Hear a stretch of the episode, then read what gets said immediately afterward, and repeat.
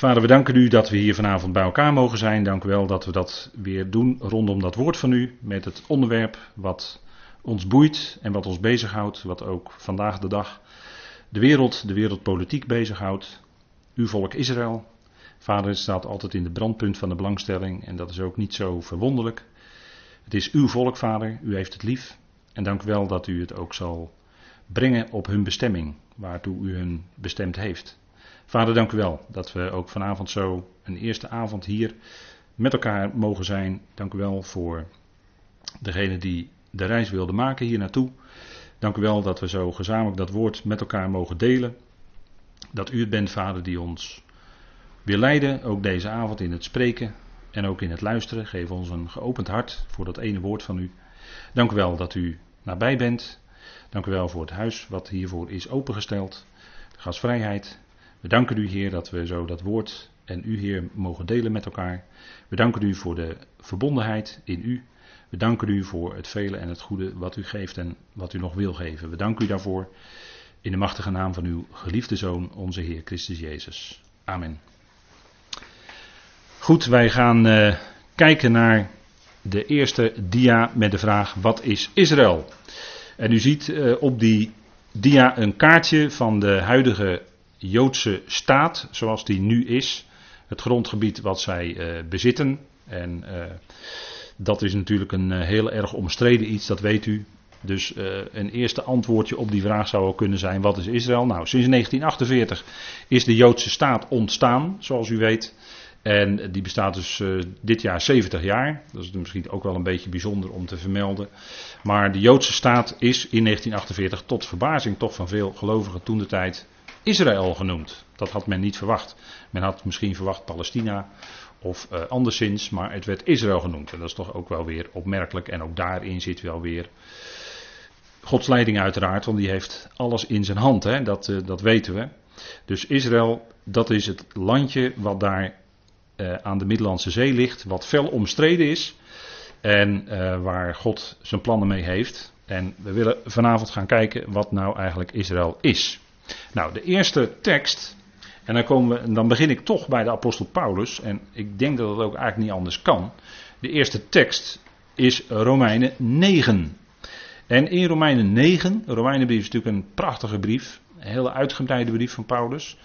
In Romeinen heeft hij de eerste acht hoofdstukken heeft hij, uh, gesproken over individuele mensen. En als die gaan geloven, dan horen ze bij het lichaam van Christus. En dat zeg ik nu even heel kort.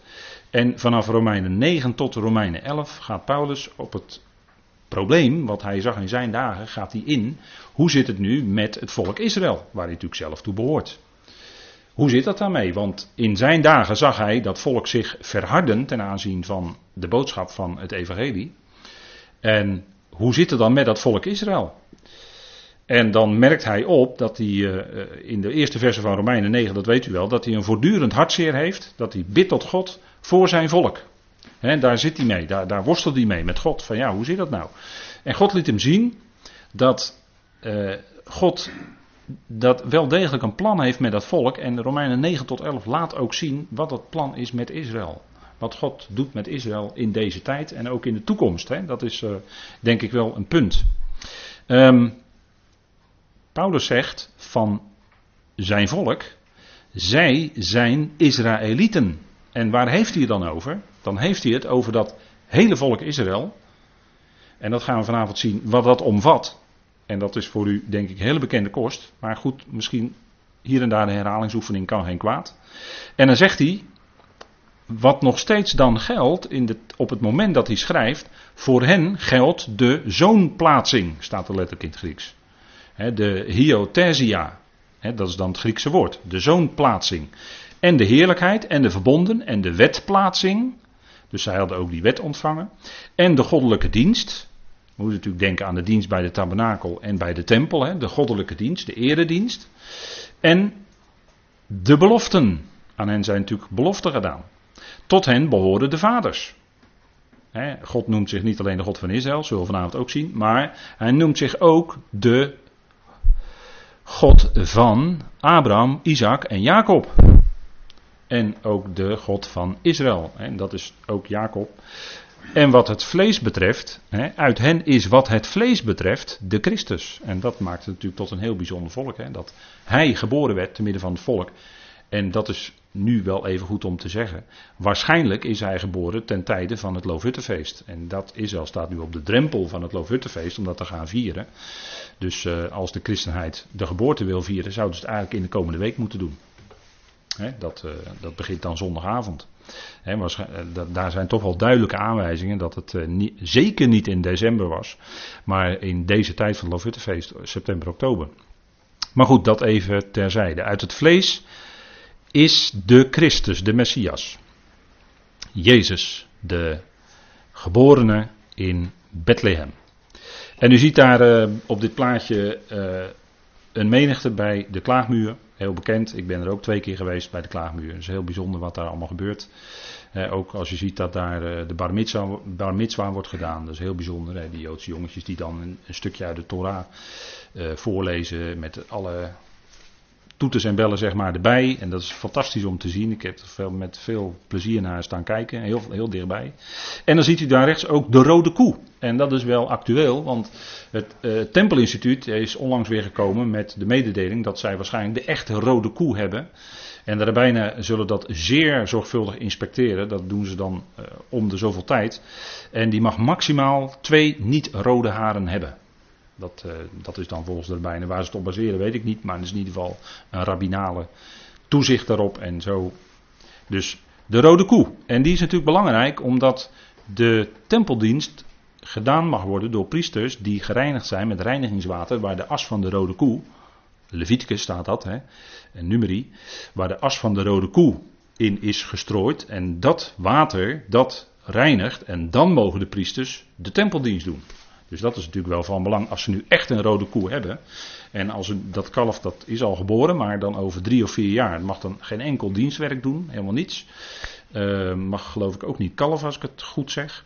Maar als het dan drie of vier jaar oud is, dan is het geschikt om te offeren. En dan kan dus die as gebruikt worden voor dat reinigingswater. Dus dat zou betekenen, volgens het Tempelinstituut dan, ik zeg het met enig voorbehoud, zou betekenen dat over drie of vier of vijf jaar men in staat is om in ieder geval die priesters een tempeldienst te doen. Dat er nog geen tempel is, dat is natuurlijk wat anders. Maar in ieder geval is dat weer een puntje waarvan je kunt zien van hé, hey, we leven toch in een bijzondere tijd waarin men volop bezig is. Men heeft al het tempelgerij, heeft men, ik ben er twee keer in Israël geweest, ook twee keer in het Tempelinstituut. En het is natuurlijk heel bijzonder wat je daar allemaal ziet, al dat tempelgerij, dat ligt gewoon allemaal klaar, dat is klaargemaakt. Uitgebreide website ook, kun je het allemaal nakijken. Heel bijzonder. Dus dat maakt het tot een bijzonder volk en heel actueel. We gaan beginnen bij het begin en dat is Genesis. En dat is de roeping van Abraham, want met de roeping van Abraham is het zeg maar allemaal min of meer begonnen, zou je kunnen zeggen. Ook met een klein, kleine slag om de arm nog. Maar Yahweh zei op een gegeven moment tegen Abraham: Ga uit je land en uit je familie en uit het huis van je vader naar het land dat ik je wijzen zal. En Abraham ging, zoals u weet. En hij ging naar het beloofde land. En hij werd geroepen uit Mesopotamië. Dat betekent het tweestromenland. U weet wel, de Uifraat en de Tigris. Het huidige Irak. Waar waarschijnlijk ook Adam en Eva geleefd hebben. Dat nemen we aan. Um, en dat betekent eigenlijk letterlijk, als ik het uh, letterlijk neem. Het, uh, het woord, want Mesopotamië is het Griekse woord eigenlijk. Hè, maar als je het letterlijk neemt vanuit het Hebreeuws, dan is het eigenlijk het Syrië van de stromen. Dat wil zeggen, het is Aram, eh, het is een samengesteld woord, Aram, dat is Syrië en Nagar. Dat betekent stromen, dus het Syrië van de stromen. En het, het duidt ook, het woord Aram duidt ook op een verhoogde plaats. En daar is ook een verhoogde plateau, zeg maar. Maar dat hele Mesopotamië, dat twee stromenland, uh, daar is eigenlijk het voor Abraham begonnen en eigenlijk ook voor de mensheid, hè, neemt men aan. Hè. Adam en Eva in de hof van, uh, van Eden, zeg maar altijd. Maar het woord Eden betekent eigenlijk weelde. Hè, de hof van luxe of weelde waren ze in. En uh, dat heeft waarschijnlijk gelegen in dat twee stromenland. Hè. Genesis maakt ook gewacht van vier stromen, weet u wel. Genesis 1, 2 en 3 wordt gesproken over vier stromen maar onder andere de Uifraat en de Tigris. En dat is nog steeds natuurlijk daar een punt. Hè. Daar werd Abraham geroepen en hij ging, de aartsvader Abraham. En hij zou gezegend worden met veel nakomelingen. En uh, ja, dat is natuurlijk ook zo gebleken in de geschiedenis. Maar we gaan een beetje in vogelvlucht, want daar kunnen we niet al te diep op ingaan. Zou te veel tijd vergen. Um, als we heel even teruggaan naar de voorvaders van Abraham, dan beginnen we bij Sem. En Sem was de, die gold, want in Genesis, ja, in Genesis gaat het altijd om het eerstgeboorterecht. En wat je in Genesis ziet, dat heel vaak niet de echte letterlijke eerstgeborene de zegen krijgt, maar vaak de tweede. Ik noem u een voorbeeld. Jacob en Esau. Esau was de eerstgeborene, letterlijk. Die werd het eerst geboren. Maar Jacob kreeg het eerstgeboorterecht. En er werd al van tevoren tegen Rebecca gezegd: de oudere zal de jongere dienen. Of de grotere zal de mindere dienen. En zo was het ook. En dat gold ook bij Sem, Gam en Jafet. Want Jafet was de oudste. Als je de tekst goed in Genesis naloopt. Was Jafet de oudste. Maar Sem kreeg eigenlijk de zegen. En de zegenlijn ging via Sem, zoals u weet, door via Terach, via Abraham. En die kwam terecht bij Isaac en Jacob. het was niet Ismaël, zoals u onlangs nog hebt kunnen horen, maar Isaac. Het was niet Esau, maar Jacob. Dus nooit de letterlijke eerstgeborene, maar eigenlijk altijd de tweede. En dat is ook precies uh, het woord eerstgeborene in het Hebreeuws. En dat, u weet dat, dat, u, ja, dat, kan soms speculatief zijn, dat weet ik wel. Maar het woord eerstgeborene in het Hebreeuws, als je dat naloopt in de letters, dan overheerst daar de twee. Dat is samengesteld uit de letter beet, kaf, resh. En dat is 2, 20, 200. 222 als je het bij elkaar optelt. En dan zie je dus dat het steeds die, dat het heel sterk daar dus die twee naar voren komt. Dat wil ook iets zeggen over die eerstgeborene. Het is de tweede die in Genesis het eerstgeboorterecht krijgt. Want daar draait het in Genesis om. Dat is vanaf Adam eigenlijk de koningslijn, om het zo maar te zeggen. Want Adam was bedoeld als degene die zou heersen over de hele aarde. Die moest die aarde aan zich onderwerpen, aan zich onderschikken.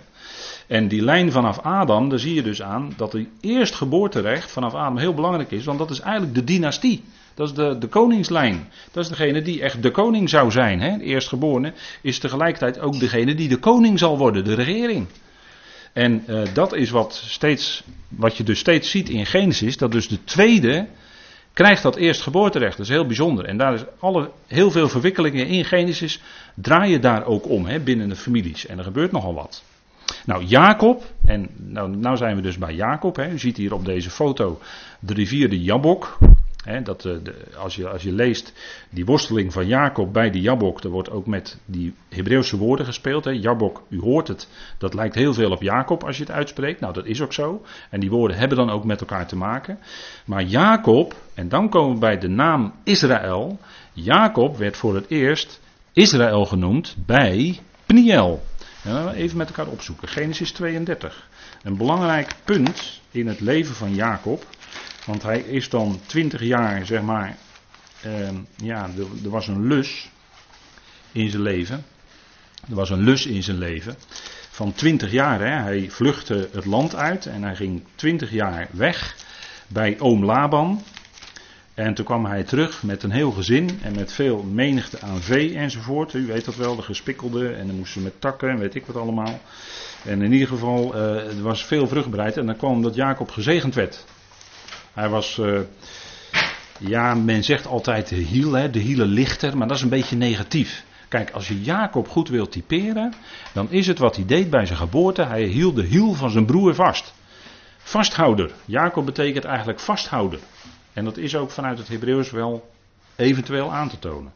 Maar Jacob die gaat dan terug en die moet dan toch eerst Esau ontmoeten en hij zat in de piepzak. Hij kneep hem aan alle kanten, want nou moest hij zijn broer ontmoeten, die die uh, toch, uh, ja, had hij toch een trucje mee uitgehaald. En zo het eerstgeboorterecht weggekaapt. En nu moest hij Esau weer ontmoeten.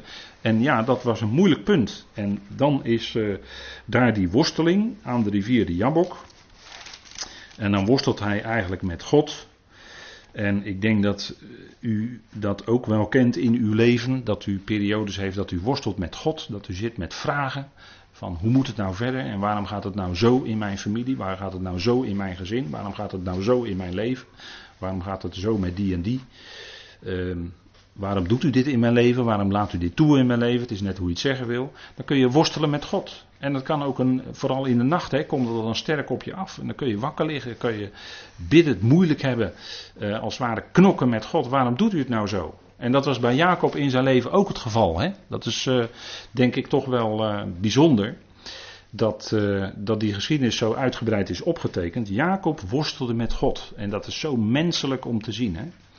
En, en toch zien we eigenlijk, als je nou kijkt in dat leven van Jacob, dan zie je toch eigenlijk die hand van God, die hem toch precies op die bestemming brengt waar God hem hebben wil. En dat gaat door over, wij zeggen dan dat gaat over bergen en door dalen heen. Soms gaat de zee hoog en soms is het een kalme zee. Ja, dat kennen we al in ons eigen leven ook. Maar in ons leven geldt natuurlijk ook, hè, gelukkig is hij of zij die de God van Jacob tot zijn hulp heeft.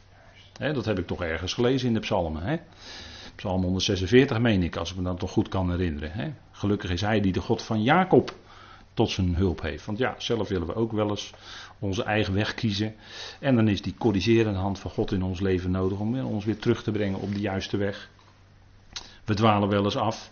U weet wel hoe dat gaat. En we worstelen met zaken en waardoor we ook afdwalen.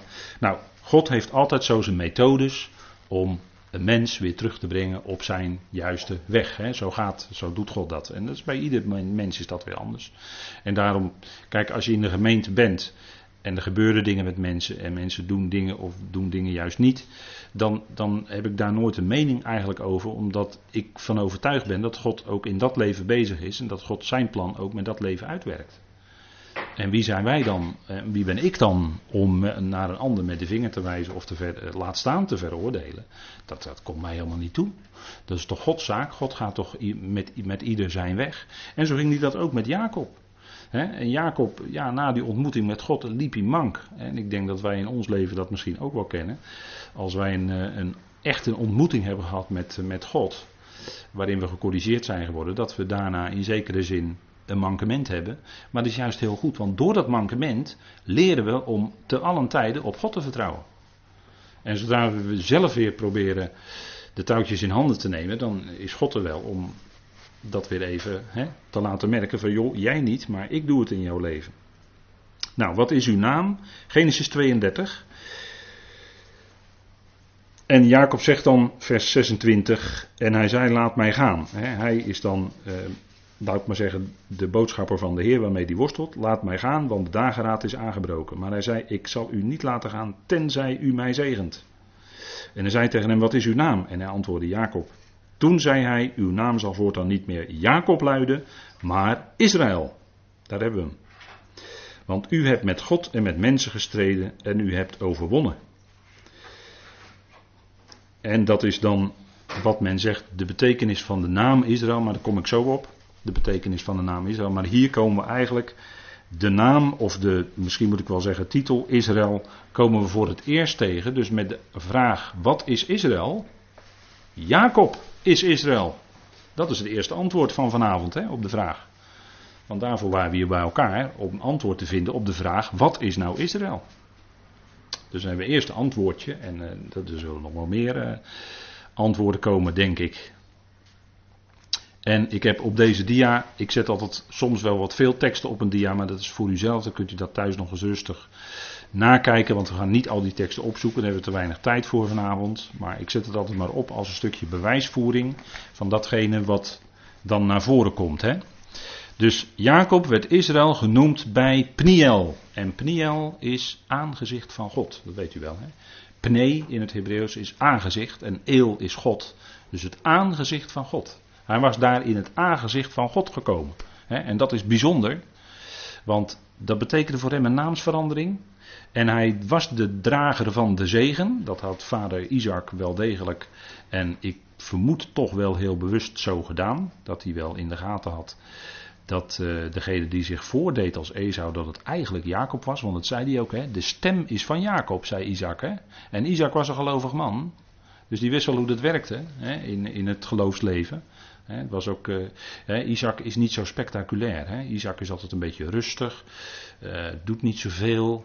Maar het is wel een gelovig man, want hij woonde steeds, als je oplet in het leven van Isaac, dan woonde hij altijd bij waterbronnen. En een waterbron is voor de Jood altijd iets, een bron is iets wat water belooft. Dus Isaac leefde op de beloften van God. En daarom had hij alle rust. Kijk, zo kun je dat leven van Isaac ook typeren. Hè? Worden door anderen wel eens wat negatief neergezet. Maar uh, Isaac was een gelovig man en zo wordt hij ook genoemd. Hè? Door het geloof heeft Isaac, zoekt u maar na in Hebreeën 11. Door het geloof heeft Isaac. Enzovoort. Hè? Nou, Pniel, aangezicht van God. Jacob kwam voor het aangezicht van God. En zo zijn wij dat in ons leven ook op een gegeven moment gekomen voor het aangezicht van God. En we zijn ons sinds dat moment denk ik heel goed bewust dat we ons leven ook leven voor het aangezicht van God. Dat Hij over ons leven uh, ja, ziet en dat Hij ook over ons waakt en dat Hij ons lief heeft, want niets kan ons scheiden van Zijn liefde. Dat is het aangezicht van God. Het aangezicht van God is liefde. Zo wil ik dat graag invullen vanuit de schrift. En niets kan ons scheiden van die liefde, wat er ook gebeurt in ons leven. Het kan je niet scheiden van zijn liefde. En dat vind ik geweldig, dat vind ik fantastisch dat Paulus dat zegt in Romeinen 8. want we komen vanavond toch steeds weer bij Paulus terug hoor. Dat kan ook niet anders. Um, goed, we gaan even kijken naar de betekenis van de naam Israël. En misschien, zoals u weet, zijn daar verschillende betekenissen van mogelijk. En dat is nou, vind ik, het boeiende van de Hebreeuwse taal dat het is niet, je kan vaak niet zeggen het, het is zo en het is anders niet. Nee, het Hebreeuws is juist dat er meerdere mogelijkheden zijn. Dus ik, ik met name, met name, laat ik liever die mogelijkheden naast elkaar staan. Omdat de Hebreeuwse taal die openingen geeft. En dat is denk ik, eh, als je de naam Israël kijkt, dan is het, uh, wordt het vaak vertaald met strijder met God. Hè? Dan is het afgeleid van een bepaald werkwoord. Maar het kan ook betekenen oprecht met God. En dat is, dat is echt wat je leest. Hè? Hier, u ziet hier de Hebreeuwse letters. Hè? Jot, Shin, Resh, Alef, Lamet. En als je die letters gewoon zo naast elkaar ziet, dan is dat oprecht met God. Dat is hè, het Hebreeuwse woord. Die eerste drie letters, dat is dan een Hebreeuws werkwoord. En dat betekent in oprechtheid zijn of oprecht zijn. En dan wordt er afgesloten met uh, Alef Lamet, dat is dan God, hè, uh, Al of Eel. En uh, dat is dan dus oprecht met God. Dat kan ook. Maar je kunt het ook anders afleiden, en dat doen ook sommigen. Die zeggen dan nee, het betekent heerser met God. Heerser met God. En dan leid je het weer af van een andere Hebreeuwse werkwoordsvorm. Met de samenvoeging met God. Hè, met de titel God. God is geen naam, maar dat is een titel hè, in het Hebreeuws. Dat is al, dat is de onderschikker. Um, en het heeft ook te maken met uh, veel kracht hebben. En ook macht hebben, kracht hebben en macht hebben om je plan te kunnen uitvoeren, om je plan te kunnen doorzetten. Dat zit ook in al. Uh, en zo is die uh, naam van Jacob verbonden geworden met God. Het is eigenlijk de hoogste titel, zou je kunnen zeggen. Hè? En ehm, je zou ook daar een ontwikkeling in kunnen zien als je het zo op een rijtje zet. Hè? Jacob, eerst een beetje aan het strijden met God. Daarna bij de Jacob ook wordt hij oprecht met God. En omdat hij dat is, kan hij ook heerser met of namens God zijn. Zo kan je dat ook, zou je dat misschien kunnen zien. Ik zeg maar heel voorzichtig. Maar er zijn dus meerdere mogelijkheden. Israël, wat is Israël? De betekenis is misschien wel drievoudig. En dat, is, en dat geldt dan niet alleen natuurlijk voor Jacob, maar we trekken die lijn natuurlijk door vanavond naar dat hele volk Israël, want dat is tenslotte ook uit Jacob voortgekomen. En dat is ook wat gebeurd is. Jacob, hebben we net gezien, hij was bezig terug te keren naar het land. En dan later in het land. Uh, hij keert terug met een hele mispoge, hè, met een hele familie. En uh, hij keert dan later naar Egypte, of hij gaat naar Egypte samen met elf zonen. En hoe kwam dat? Dat kwam om Jozef, omdat Jozef daar al was. Jozef was al in Egypte, die was aangesteld als redder. En uh, die zou aan, uh, uh, aan, aan Jacob en eh, de kinderen enzovoort, en de hele familie, ze gingen met z'n 70, z'n 70 gingen ze geloof ik naar Egypte toe. Maar Jozef, die zou zorgen dat ze in die hongersnood weer eten toegevoegd kregen. En als ik het zo zeg, zeg ik ook de naam Jozef. Want de naam Jozef betekent ook toevoer in het Hebreeuws. Hij voegde eten toe aan, het, aan zijn familie op het moment dat er hongersnood was. En dat was ook de reden waarom God hem, door zijn broers hem dat kwaad aan liet doen. Want dat hij doorverkocht werd door zijn broers, dat was eigenlijk een groot kwaad wat ze Jozef aandeden. Maar Jozef zei zelf later, toen hij zich bekend maakte aan zijn broers, God, jullie hebben dat ten kwade gedacht, maar God heeft dat ten goede gekeerd. En bleek eigenlijk dat God gewoon die broers gebruikte in Jozefs leven om Jozef door te verkopen naar Egypte, opdat Jozef de redder van de wereld kon zijn. Eerst de redder van uh, zijn eigen familie, maar ook van Egypte. En daarbuiten ook kwamen ze van heine en ver kwamen ze naar, de, naar het graan wat daar door Jozef allemaal was opgestapeld, hè, opgepot, uh, zou je kunnen zeggen, hè, was opgestapeld. En uh, daardoor konden uh, landen in de hongersnood toch te eten krijgen. En zo zorgde Jozef voor toevoeging van eten daar waar de hongersnood was. Dus hij zorgde. En zo regelde God dat. Hè? Dat is ook een van zijn betekenissen van zijn naam, Zafnat Paanea. Dat betekent redder van de wereld. Er wordt van Jozef gezegd. Dat is toch ook heel bijzonder, denk ik. Blijkt uit zijn leven. Hè? En daarin is hij natuurlijk een geweldig type van de Heer Jezus Christus. Hè? Hij is natuurlijk een vooraf, geweldig voorafschaduwing van de Heer. Die later zelf echt de grote Jozef zou zijn. De echte, ware redder van de wereld. Hè? De redder van alle mensen, van de hele mensheid. Hè? Dat is geweldig. Nou, Jacob gaat naar Egypte. Daar was Jozef al. Dus hij gaat met elf zonen. En u ziet ze hier. Zes zonen van Lea, Twee zonen van de slavin Bilha, dat was een slavin van Rachel. Rachel.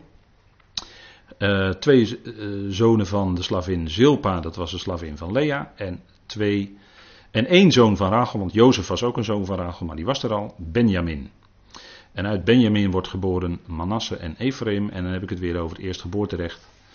En wat deed Jacob toen hij Manasse en Ephraim zegende? Hij deed zo. En toen zei Jozef, vader Jacob, u doet het verkeerd. Nee, zei Jacob, ik zegen ze zo. En daarmee gaf hij aan zijn rechterhand de zegen aan Ephraim, want dat zou, die zou het eerstgeboorterecht dragen. En de linkerhand op Manasse, want die zou niet de volle zegen van het eerstgeboorterecht krijgen. En zo is het dus altijd gegaan. En blijkt tot het einde aan toe van het boek Genesis dat de tweede het eerstgeboorterecht krijgt. Ephraim betekent ook dubbele vrucht, hè? want de eerstgeborene krijgt altijd de dubbele zegen. Dus dat is, uh, die lijn loopt dan door via Ephraim. We zullen later nog wel wat opmerkelijks daarvan zien. U weet hoe het gegaan is. Ze zaten in Gozen. Gozen. En Jozef die was onderkoning in Egypte. En de betekenis van de naam Gozen is eigenlijk wel heel mooi. Want het betekent eigenlijk dichtbij komen. En Jozef zei tegen zijn familie: Gaan jullie in het land Gozen wonen, want dan zijn jullie dicht bij mij. Dus hij speelde daar met die naam Gozen toen hij vertelde over die vruchtbare streek Gozen, waar dan die familie zich ontwikkelde tot het volk Israël. Hè? Dat is natuurlijk in Egypte gebeurd. Hè? Egypte was zeg maar, om het zo maar eens te zeggen, de kraamkamer van het volk Israël. Daar is het volk Israël eigenlijk geboren. Zo wordt er later in de profetie ook over gesproken dus uh, het volk Israël ontstaat in Egypte. En dan zijn ze dus niet in het beloofde land. Maar dit moest natuurlijk heel bewust zo gebeuren. Dat zij daar uh, zich zouden ontwikkelen tot een volk. En u ziet hier op het kaartje ziet u ook uh, hoe dat gegaan is. Die groene pijl naar het land Goshen. Dat ligt daar zo een beetje rechts onder de Nijldelta. Dus dat is een heel vruchtbaar gebied. En uh, ook toen de plagen over Egypte kwamen, bijvoorbeeld de steekvliegen, dan staat er expliciet bij dat in Gozen de steekvliegen niet waren waar het volk was. Of dat er geen duisternis was. Enzovoort. Hè. Dus daar werd het volk als het ware beschermd door de Heer zelf voor die plagen. Goed, we gaan weer een stapje verder. De volgende dia. God verloste Israël uit Egypte. Daarom moesten ze daar natuurlijk opgroeien dat er een andere farao zou komen, dat ze in verdrukking zouden komen en dat God zijn naam bekend wilde maken over de hele aarde door zich aan die farao te verheerlijken. En dat deed God door het hart van die farao te verharden. Dat was Gods werk. Hè? Dat was niet farao zijn eigen werk, want hij had maar een heel zwak hart.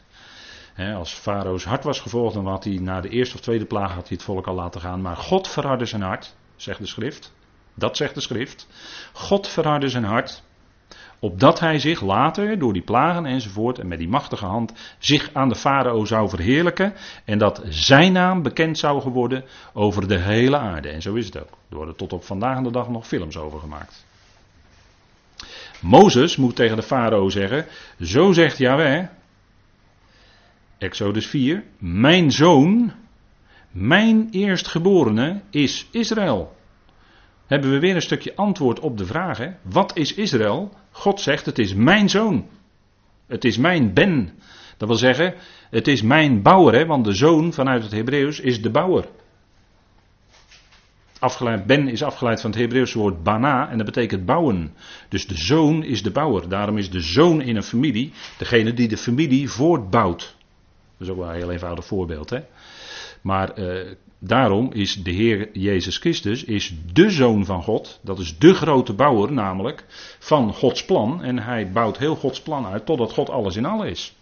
Dat is wat hij doet. Hij is de zoon, dus hij is de bouwer. Ja, dat is logisch. Vanuit, vanuit, als je het vanuit het Hebreeuws weet, is het volstrekt logisch. Mijn eerstgeborene, hè, mijn bekoor in het Hebreeuws, is Israël. Wat is Israël? Het is de eerstgeborene onder de volkeren van God. Weer een antwoord hè, op de vraag. En, en het volk is daar dus geboren. Hè. Dat zegt de schrift natuurlijk expliciet en luid en duidelijk. Kan geen enkel misverstand over bestaan voor ons als gelovigen. Want wij aanvaarden het woord van God als voor ons absoluut gezag. Dat is de waarheid, staat boven ons. Het is niet wij die de waarheid bepalen. Nee, Gods woord is de waarheid, staat boven ons. Absolute waarheid. En wij geloven dat. Maar het hangt niet af van ons geloof of het waar is, ja of nee. Nee, nee het is Gods woord en daarom is het waar. En daarom zal het ook vervuld worden. En dat is het punt, hè? Dat, dat, is, dat is het gezag van de schrift, hè? Wat, we, wat we bovenaan hebben staan. Hè? Daar gaat het om. Nou, die eerstgeborene, dat is. En de eerstgeborene wordt later ook in Israël gezegd, is voor de Heer. Dat zegt hij in de wet, hè? dat zegt hij in de onderwijzing. Al wat de baarmoeder opent is van mij, zegt de Heer. Dus de eerstgeborenen zijn voor hem. En die krijgen dan ook de dubbele zegen. Hè? Die had ook een bijzondere positie in Israël. Gaan we weer verder.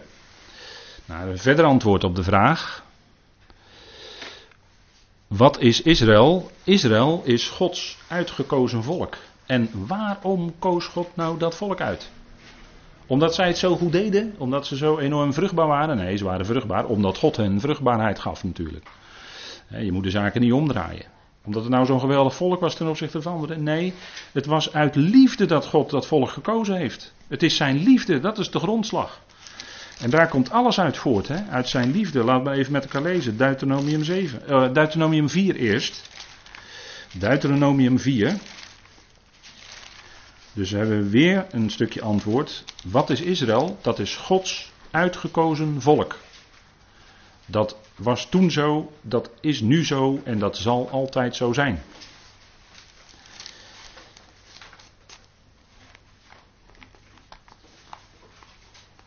En omwille van de tijd lees ik alleen even Deuteronomium 4, vers 37. En er staat er, omdat hij uw vaderen lief had, dus de vaderen, dat zijn natuurlijk altijd Abraham, Isaac, Jacob, Jozef.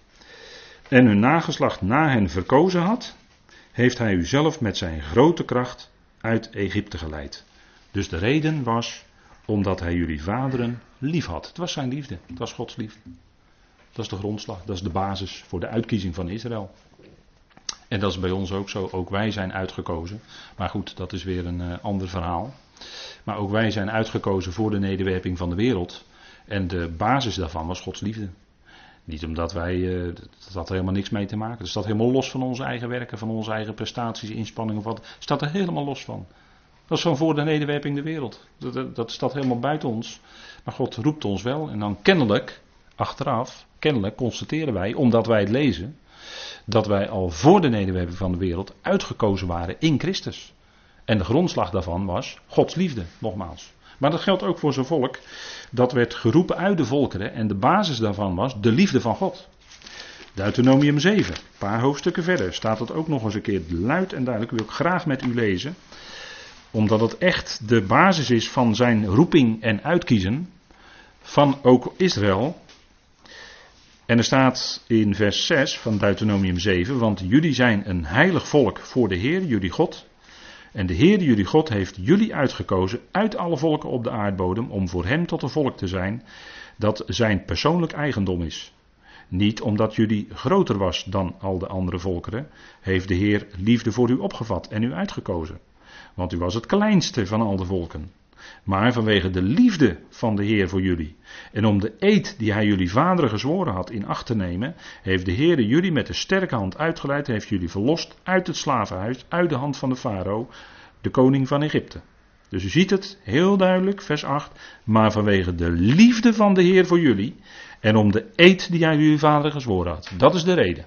Het was de liefde van God. Dat is de grondslag en de basis voor zijn kiezen van Israël. En dat woord kiezen, hè, ik heb dat hier even op deze dia gezet, dat is bagar. En eh, dat is eigenlijk, ja, kiezen, selecteren, uitselecteren, hoe je het zeggen wilt. Heeft verschillende kanten natuurlijk. En dat herhaalt zich, hè, dat wordt het feit dat God dat volk uitgekozen heeft, dat wordt herhaald. U ziet het op de tekst op de dia, psalmen, Jezaja. En we zien daar ook een kaartje, zoals het vroeger ook getekend werd, terecht eigenlijk. Israël, het middelpunt van de wereld, hè, de navel van de aarde zou je kunnen zeggen. Israël is dat land daar ook waar het volk dan gaat wonen en nu al een beetje woont. Maar wat hun deel zal zijn, eh, dat is de middelpunt van de hele aarde eigenlijk.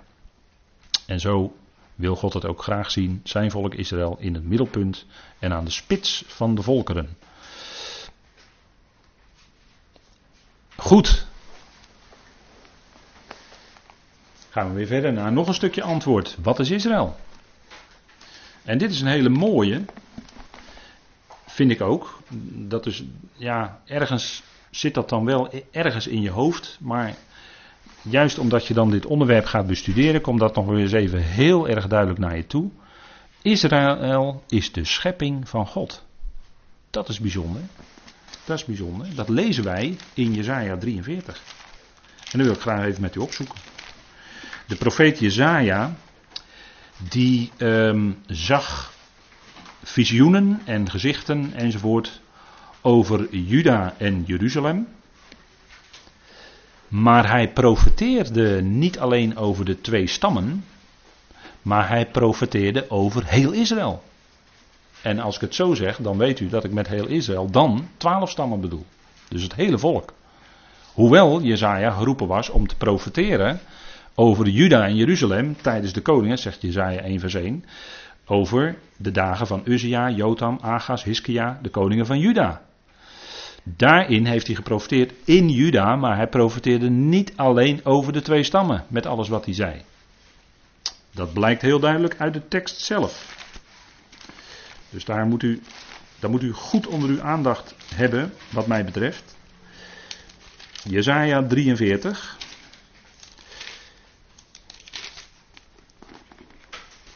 Daar staat, maar nu, vers 1, maar nu, zo zegt Yahweh, en Yahweh is natuurlijk de ik ben, uw schepper. Daar staat het, hè. Jacob, uw formeerder, Israël. Wees niet bevreesd, want ik heb u verlost. Ik heb u bij uw naam geroepen. Je bent van mij. En natuurlijk kan je dat, is dat in eerste plaats zeker echt op Israël van toepassing. Maar als u het voor u persoonlijk wil lezen, ik heb je bij je naam geroepen, je bent van mij. Nou, dat geldt ook natuurlijk voor ons persoonlijk. Hè? Maar dat is even een heel ander verhaal, want wij zijn niet Israël. Wij horen bij de gemeente die het lichaam van Christus is. Dat is natuurlijk een hele andere grootheid, om het zo maar te zeggen. maar hier gaat het duidelijk over Israël. En hier wordt gezegd dat de Heer de schepper is van Israël. Heel bijzonder, hè? Vers 7 staat het ook. En dan zegt hij dat ze zullen komen. Hè? Dat is nog toekomstmuziek. Hè? Vers 6. Ik zal zeggen tegen het noorden: geef. En dan zullen ze komen. En tegen het zuiden: weerhoud niet. En ze zullen komen. Breng mijn zonen van ver. Mijn dochters van het einde van de aarde. Het einde van de aarde. hey. even ter attentie. Hè? Het einde van de aarde. Denk er maar eens over na. Ieder die genoemd is naar mijn naam. Die heb ik tot mijn eer geschapen die heb ik geformeerd, ja, die heb ik gemaakt. Hier worden drie woorden gebruikt: scheppen, formeren en maken in verband met Israël. Dus hier is heel Gods scheppende, formerende en makende kracht bij betrokken geweest. Zo belangrijk is dat volk Israël voor hem. Ik hoop dat u dat goed, dat onderscheid ziet, ziet u gelukkig hier in de vertaling terug, in vers 7. Maar dat is wel heel bijzonder hoor, want het gebeurt niet zo vaak. Dat die drie woorden, eh, waarin ook het woord zit voor pottenbakken, hè, dat, dat, eh, dat formeren, dat is eigenlijk ook het woord waar pottenbakker van afgeleid is. De yatsar in het Hebreeuws. Wat u terugvindt bijvoorbeeld in Jeremia 18, hè, waarin Jeremia moest afdalen naar het huis van de pottenbakker. En daar ging het over het volk Israël. Uh, hij heeft dat volk geformeerd, ja, wel degelijk. Geschapen en gemaakt. Ja, dat is dus heel belangrijk. En Israël zal als zijn oogappel, als zijn volk ook een belangrijke functie vervullen. Vers 15 nog een keer. Daar staat: Ik ben de Heere, uw heilige, de schepper van Israël, uw koning, alsjeblieft. Nou hebben we hem drie keer, hè? En op een getuigenis van twee of drie zal een zaak vaststaan, zegt de schrift. Dus we zijn er nu wel echt van overtuigd: God is de schepper van Israël. Dat is zijn schepping. Hij heeft het geformeerd, hij heeft dat volk gemaakt. Ik denk dat dat heel duidelijk is hier vanuit Jezaja. Ik vind dat geweldige woorden, omdat het zo duidelijk maakt hoe belangrijk Israël voor God is. En dat zouden we niet uh, uh, onderschatten. Dus antwoord op de vraag: wat is Israël? Dan hebben we nu weer een stukje antwoord. Hè? En Israël is nog meer. Hè? Dat, dat, Israël is, is door God geroepen. En het is, het is en blijft altijd een heel bijzonder volk. En ook vandaag aan de dag, als je weet wie uit dat volk afkomstig zijn, dat zijn toch vaak hele bijzondere mensen met uh, toch heel, heel begaafd en springen toch vaak boven de anderen uit. Dus eigenlijk ook heel opvallend vind ik vaak als je te weten komt van hey, die of die is uh, die kunstenaar of artiest of uh, natuurkundige of noem maar op. Dat is dan iemand van Joodse komaf of uit het volk Israël. Dat zijn dan toch vaak de beroemde namen. Dat zijn toch heel vaak mensen die er bovenuit springen. Dat is denk ik toch, uh, vind ik toch wel bijzonder. Kennelijk heeft God toch aan dat volk iets bijzonders gegeven, waardoor ze ook zo bijzonder zich kunnen manifesteren uh, te midden van uh, al, al, die andere mensen. Ik denk, denk dat dat daar, daar toch een puntje zit. Hè? Um, goed, Israël is bedoeld als heel belangrijke functie in Gods plan, namelijk zij zijn een koninklijk priesterschap. Weer een stukje antwoord Israël is een koninklijk priesterschap. En dat blijkt als zij geroepen worden heel duidelijk in Exodus 19, als de Heer dan de wet geeft aan het volk, als de Torah geeft, de onderwijzing, aan het volk geeft, dan wordt dat er ook luid en duidelijk expliciet bij gezegd. Jullie zijn een koninklijk priesterschap. Een volk voor God ten eigendom. En dat zijn hele bekende woorden wil toch even met u opzoeken. Exodus 19, vers 5 en 6. Exodus 19.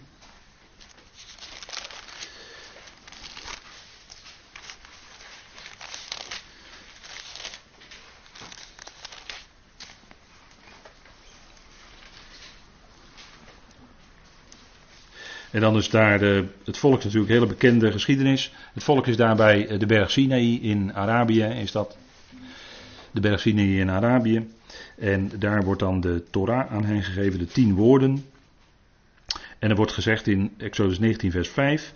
Nu dan, als u nauwgezet mijn stem gehoorzaamt en mijn verbond in acht neemt, dan zult u uit alle volken mijn persoonlijk eigendom zijn, want heel de aarde is van mij, alsjeblieft hiermee kun je alle politieke verwikkelingen vandaag de dag gelijk oplossen. Want de Heer zegt dat de hele aarde van hem is en hij geeft dat land aan het volk, Israël. Dus dan ben je gelijk eh, eh, af van alle politieke uh, perikelen, implicaties, internationaal volkenrecht enzovoort. Kun je gelijk aan de kant schuiven, want de hele aarde is gewoon van God. De hele aarde is van mij, zegt de Heer. En ik, ik deel datgene toe aan wie ik het wil. Maar goed, daar wordt vandaag de dag niet mee gerekend, dat weet u. U dan, en dat is een belofte, u dan zult voor mij een koninkrijk van priesters en een heilig volk zijn. heilig in de zin van apart gezet. He.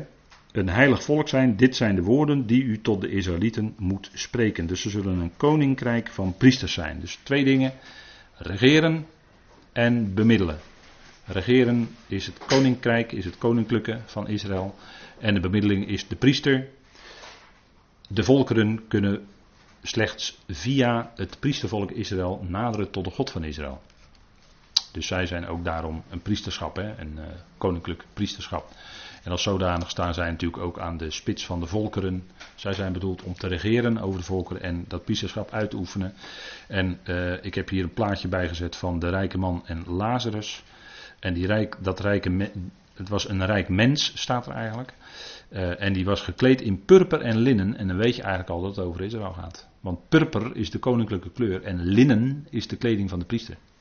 Die moest zich kleden in, ja, dat ligt voor de hand, wit linnen. Dat is bijna een pleonasme als ik dat zeg, maar uh, tenzij het uh, kleurt. Maar normaal gesproken linnen. Hè?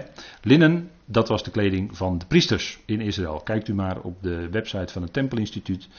Als u daar opzoekt de priesters, dan zult u ze daar afgebeeld zien in de kleding die ook al voorhanden is in linnen. Dat wordt gemaakt, werd voorheen gemaakt van vlas, als ik het goed zeg. Maar ik ben daarin niet deskundig. Dus corrigeer mij maar gauw. We wilden vandaag eerst nog naar de uh, stoffenmarkt in Woerden gaan, maar dat is niet doorgegaan vanwege, we vonden het toch wat slecht weer. En dan had ik het kunnen navragen, maar goed, dat is er niet van gekomen. Dus om over dat linnen. Maar goed, ik geef het maar even mee. Uh, dus we waren bedoeld als koninklijk priesterschap. Israël, als volk. zij zijn het volk en dat kunnen wij ons als gelovigen van nu niet toe-eigenen. Dat is niet op ons van toepassing. Wij kunnen niet zeggen dat wij ook met Israël koning en priester zijn. Is niet op ons van toepassing. Wij behoren bij het lichaam van Christus, dat is iets heel anders. Wij zijn geen koningen en priesters. En ieder die zich dat wel aanmatigt, die wil Israël van iets beroven. Zover wil ik echt wel gaan. Zonder het zelf te beseffen, wil je iets van Israël beroven. Je wil je wederrechtelijk toe-eigenen wat jou niet toekomt als je dat zegt. Je bent het gewoon niet. Je bent gewoon geen Israëliet. Ook niet geestelijk Israël. Ben je ook niet. Dat is de, de, de kwalijke. Ik gebruik soms wel eens andere woorden, maar nu zal ik me even rustig houden. De kwalijke vervangingstheologie. Dat is een kwalijke zaak geweest. En uh, die moet uh, move, en dat, die is gelukkig al gemoved. Daardoor hoor je gelukkig niet zo heel veel meer. Maar in kerk wordt helaas toch nog wel gepredikt. Helaas. Heel jammer. Want klopt niet. Klopt van geen kanten. We zijn in de plaats van Israël gaan staan. Schande is het voor de kerk geweest. Schande. Israël, wat is Israël? Dat is de vrouw van Yahweh. En dat is toch voor sommigen misschien iets minder bekend. Maar de wetgeving op de Sinaï, de, de verbondsluiting was het eigenlijk ook. Want er wordt daarover gesproken als het oude verbond, moet ik wel zeggen. Dat was ook een huwelijk. Dat oude verbond was een huwelijk. Zo wordt er over gesproken in de schrift. Kijk, de Heer sprak op de Sinai. En het volk zei op diverse momenten: Al wat u gesproken heeft, zullen wij doen. Met andere woorden, ze zeiden ja tegen de Heer.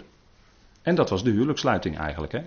De Heer gaf de, als het ware door de wet de huwelijkse voorwaarden. Het volk zei als vrouw van Jahweh, zei, of aanstaande vrouw zei ja. En daarmee werden zij. Werd dat huwelijk ook besloten tussen Jahweh en Israël. En daarmee was dat huwelijk een feit. En zo wordt er over gesproken in de schrift. Kijk maar in Jeremia 2 met mij. Jeremia 2 gaan we even opzoeken. Het was een huwelijk. En dat huwelijk, dat, uh, dat verliep heel tragisch. Want Israël verbrak dat verbond, hè? dat weet u hè. Israël verbrak dat verbond. Daar spreekt Jeremia ook over.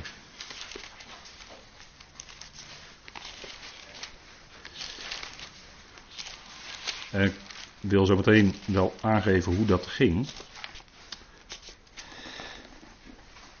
En er staat ook boven, dat hebben de vertalers in mijn vertaling, ik gebruik de herziene statenvertaling, hebben dat erboven gezet. De ontrouw van Israël, en dat was ook zo. Het woord van de Heer kwam tot mij, ga ten aanhoren van Jeruzalem prediken, zo zegt de Heer. Ik denk aan u, aan de genegenheid van uw jeugd, aan de liefde van uw bruidsdagen. Toen u achter mij aanging in de woestijn, in een land waarin niet wordt gezaaid. Israël was heilig voor de Heer de eersteling van zijn opbrengst. Allen die deze opaten werden schuldig. Onheil kwam over hen. Spreekt de Heer, hoor het woord van de Heer, huis van Jacob, en alle geslachten, huis van Israël. Hier worden zij dus aangesproken en gekeken naar het verleden, toen de Heer hen dus opbracht uit Egypte. Dat wordt hier door de profeet gezegd als de liefde van de bruidsdagen. Dus het ging om een huwelijk. En de huwelijkssluiting was bij de Sinai. En het volk zei ja tegen de huwelijkse voorwaarden. En een van de huwelijkse voorwaarden was: je zult in dat land wonen, maar dat land is van mij, zegt de Heer. En als je in dat land bent, dat is mijn huis, zo spreekt de Heer erover in Leviticus. En in mijn huis zul je moeten houden aan de regels die ik stel. En dat deden ze niet, want de Heer had gezegd: Je zult geen andere goden voor mijn aangezicht hebben. En wat gebeurde? Zij liepen andere goden achterna. En dat was, als je het in huwelijkstermen wil zeggen, of juist niet huwelijkstermen, dat was overspel, dat was hoererij met andere goden. Zo wordt er uitgebreid in de profeten over gesproken. En daarna kun je zien dat het een huwelijk was. Zij overtraden dat eerste gebod. En dat deden zij zowel Israël, en dan bedoel ik nu even de tien stammen, als Juda, als twee ontrouwe zusters. Zo wordt er over gesproken in de profeten. En daarmee verbraken zij, niet wij natuurlijk, maar zij verbraken daarmee het verbond. Het huwelijk namelijk. Ontrouw, daarmee was huwelijksbreuk. Zegt Jeremia in Jeremia 11. Jeremia 11, laten we even met elkaar opzoeken, een paar hoofdstukken verder. En zelfs in die hoofdstukken Jeremia 7 en hoofdstuk 11 en hoofdstuk 13, daarin vraagt in feite Jeremia of hij voor dat volk mag bidden. En dan zegt de Heer tot drie à vier keer toe: bid niet voor dit volk. En zelfs bid niet voor dit volk ten goede. Dat staat er zelfs drie tot vier keer. En dat zijn hele ernstige woorden. Dat God zelfs zo ver gaat dat Jeremia niet eens mag bidden voor het volk. Want de Heer wil het in ballingschap doen. En dat gebeurde ook. Waarom? En dat lezen wij in Jeremia 11. Jeremia 11. Zij zijn Vanaf vers 9. Daarop zei de Heer tegen mij: Er is een samenzwering ontdekt onder de mannen van Juda en de inwoners van Jeruzalem. Zij zijn teruggekeerd tot de ongerechtigheden van hun voorvaderen, die geweigerd hebben naar mijn woorden te luisteren. Wat hen betreft, ze zijn andere goden achterna gegaan om die te dienen. Het huis van Israël en het huis van Juda hebben mijn verbond verbroken dat ik met hun vaderen gesloten had. Daarom, zo zegt de Heer, ik ga over hen onheil aanbrengen waaraan zij niet kunnen ontkomen. En als ze dan tot mij roepen, dan zal ik niet naar hen luisteren. Ziet u het? Hele ernstige woorden door de profeet. Die hier heel duidelijk het volk moet aanzeggen hoe het zit. Zij waren ontrouw. Zij hadden het verbond met Yahweh verbroken. En daarmee bleek het in termen van huwelijk, huwelijksontrouw te zijn. En dat leidde ertoe dat zij in ballingschap gingen. En dat de Heer een scheidbrief aan hen gaf. Want dat staat in de onderwijzing, in Deuteronomium 24. Dan kon er een scheidbrief gegeven worden. En dat is ook gebeurd. En dat zullen we later nog zien vanavond.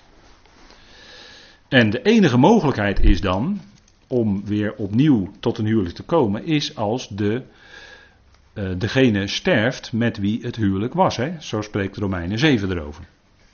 Romeinen 7, vers 1 tot en met 6. Moet u maar nalezen. Dat gaat eigenlijk over de Heer en Israël. Maar goed, later over die scheidbrief, later meer. Komen we nog op terug. En dan een hele erge duidelijke, die in de schrift, dat kan je er zo vanuit de schrift opscheppen, afscheppen. Dat staat zoveel keer en ik heb op deze dia al aardig wat teksten, denkt u. Maar er zijn er nog heel wat meer te noemen waarin dat staat. Hè? Dat Yahweh de God van Israël is. Of dat hij zich zo noemt. Of dat hij zo genoemd wordt. God, of Yahweh, is de God van Israël. Nou, dat wordt zo vaak in de schrift betuigd. Dat is uh, de, de, enige ware God. De enige ware God die er is. de rest zijn allemaal nietsen. Maar er is maar één God, zegt de schrift. En dat is de God van Israël, die zich noemt de God van Israël. Hij heeft zich met een eed gezworen. Hij heeft zich verbonden met dat volk met onlosmakelijke banden. En hij zal zijn belofte die hij gedaan heeft, zal hij ook houden. Want God belooft een woord en dat doet hij ook. God is geen mens dat hij liegt, maar hij spreekt altijd waarheid. En het is waar omdat hij ook waar maakt wat hij gezegd heeft. Hij zal al zijn beloften vervullen. En daarom kunnen ook wij aan ons als gemeenteleden zijn ook geweldige beloften gedaan. Niet alleen aan Israël, maar ook aan ons. En misschien nog wel heerlijker en geweldiger beloften dan aan Israël. Maar wij kunnen leven op die belofte van God. Daar kunnen wij ons leven als gelovigen op bouwen. Waarom? Omdat God het waar maakt. Omdat die God die erachter staat, achter die belofte, die maakt die belofte ook waar. Het zal vervuld worden. Wat aan ons beloofd is. En daarom zegt Paulus, en dan denk ik altijd aan die woorden van Thessalonicense, vertroost elkaar dan met deze woorden. Dat is die belofte die God gegeven heeft. Dat wij met de bazuin snel weggehaald zullen worden van deze aarde voordat de gerichten komen. Vertroost elkaar met deze woorden, dat is een geweldige belofte van God. Dat zal die waarmaken. En dan zegt u, ja, dat duurt al zo lang. Nou, ik zeg, nou, dan denk ik van, wees blij. Wees blij dat het al zo lang geduurd heeft. Dan zijn we er heel dichtbij dus. Hè? Ja, je, je, moet het niet negatief benaderen, je moet het positief benaderen natuurlijk. Zoiets, hè. God heeft het beloofd. En we zitten er heel dichtbij, wat mij betreft. He, 70 jaar uh, een staat Israël, dat is toch een teken aan de wand hoor. Als je een bewijs, godsbewijs hebt, daar hadden we het vanavond aan tafel over met uh, Martin en Marie in het gesprek. Als je een godsbewijs wil hebben in deze wereld, is het Israël. Dat is een bewijs. Voor mij. Nou, je kunt al natuurlijk wegredeneren, maar voor mij is het bewijs. Kijk naar Israël. Dat volkje is nooit weg geweest, heeft altijd bestaan, is nooit geassimileerd onder de volkeren en is daar weer, die Joodse staat, dat is daar weer. En grotendeels in ongeloof natuurlijk, maar dat is daar wel. En dat is een teken. En dat is vervulling niet van de belofte, maar wel van de profetie. Het is wel geprofiteerd, maar het is nog niet de vervulling van de belofte die God gegeven heeft. Want dan is de heerlijkheid veel groter en dan is er ook geloof. Dan is er ook geloof. Dat is nu niet. Ik ben daar twee keer geweest. En als je naar heel dat volk kijkt wat daar is, dan dat is geen gelovig volk als volk. Dat kan je niet zeggen. Ik heb dat heb ik niet kunnen constateren. Het is nog niet wedergeboren. Dat is nog toekomstmuziek. Maar Yahweh is te allen tijden en blijft ook vandaag de dag de God van Israël. Waarom denkt u dat daar, ondanks al die druk van die vijanden sinds 1948, dat het volkje daar heeft kunnen blijven? Dat het daar nog steeds is? Irritant voor de omringende volkeren, vijandschap tot en met.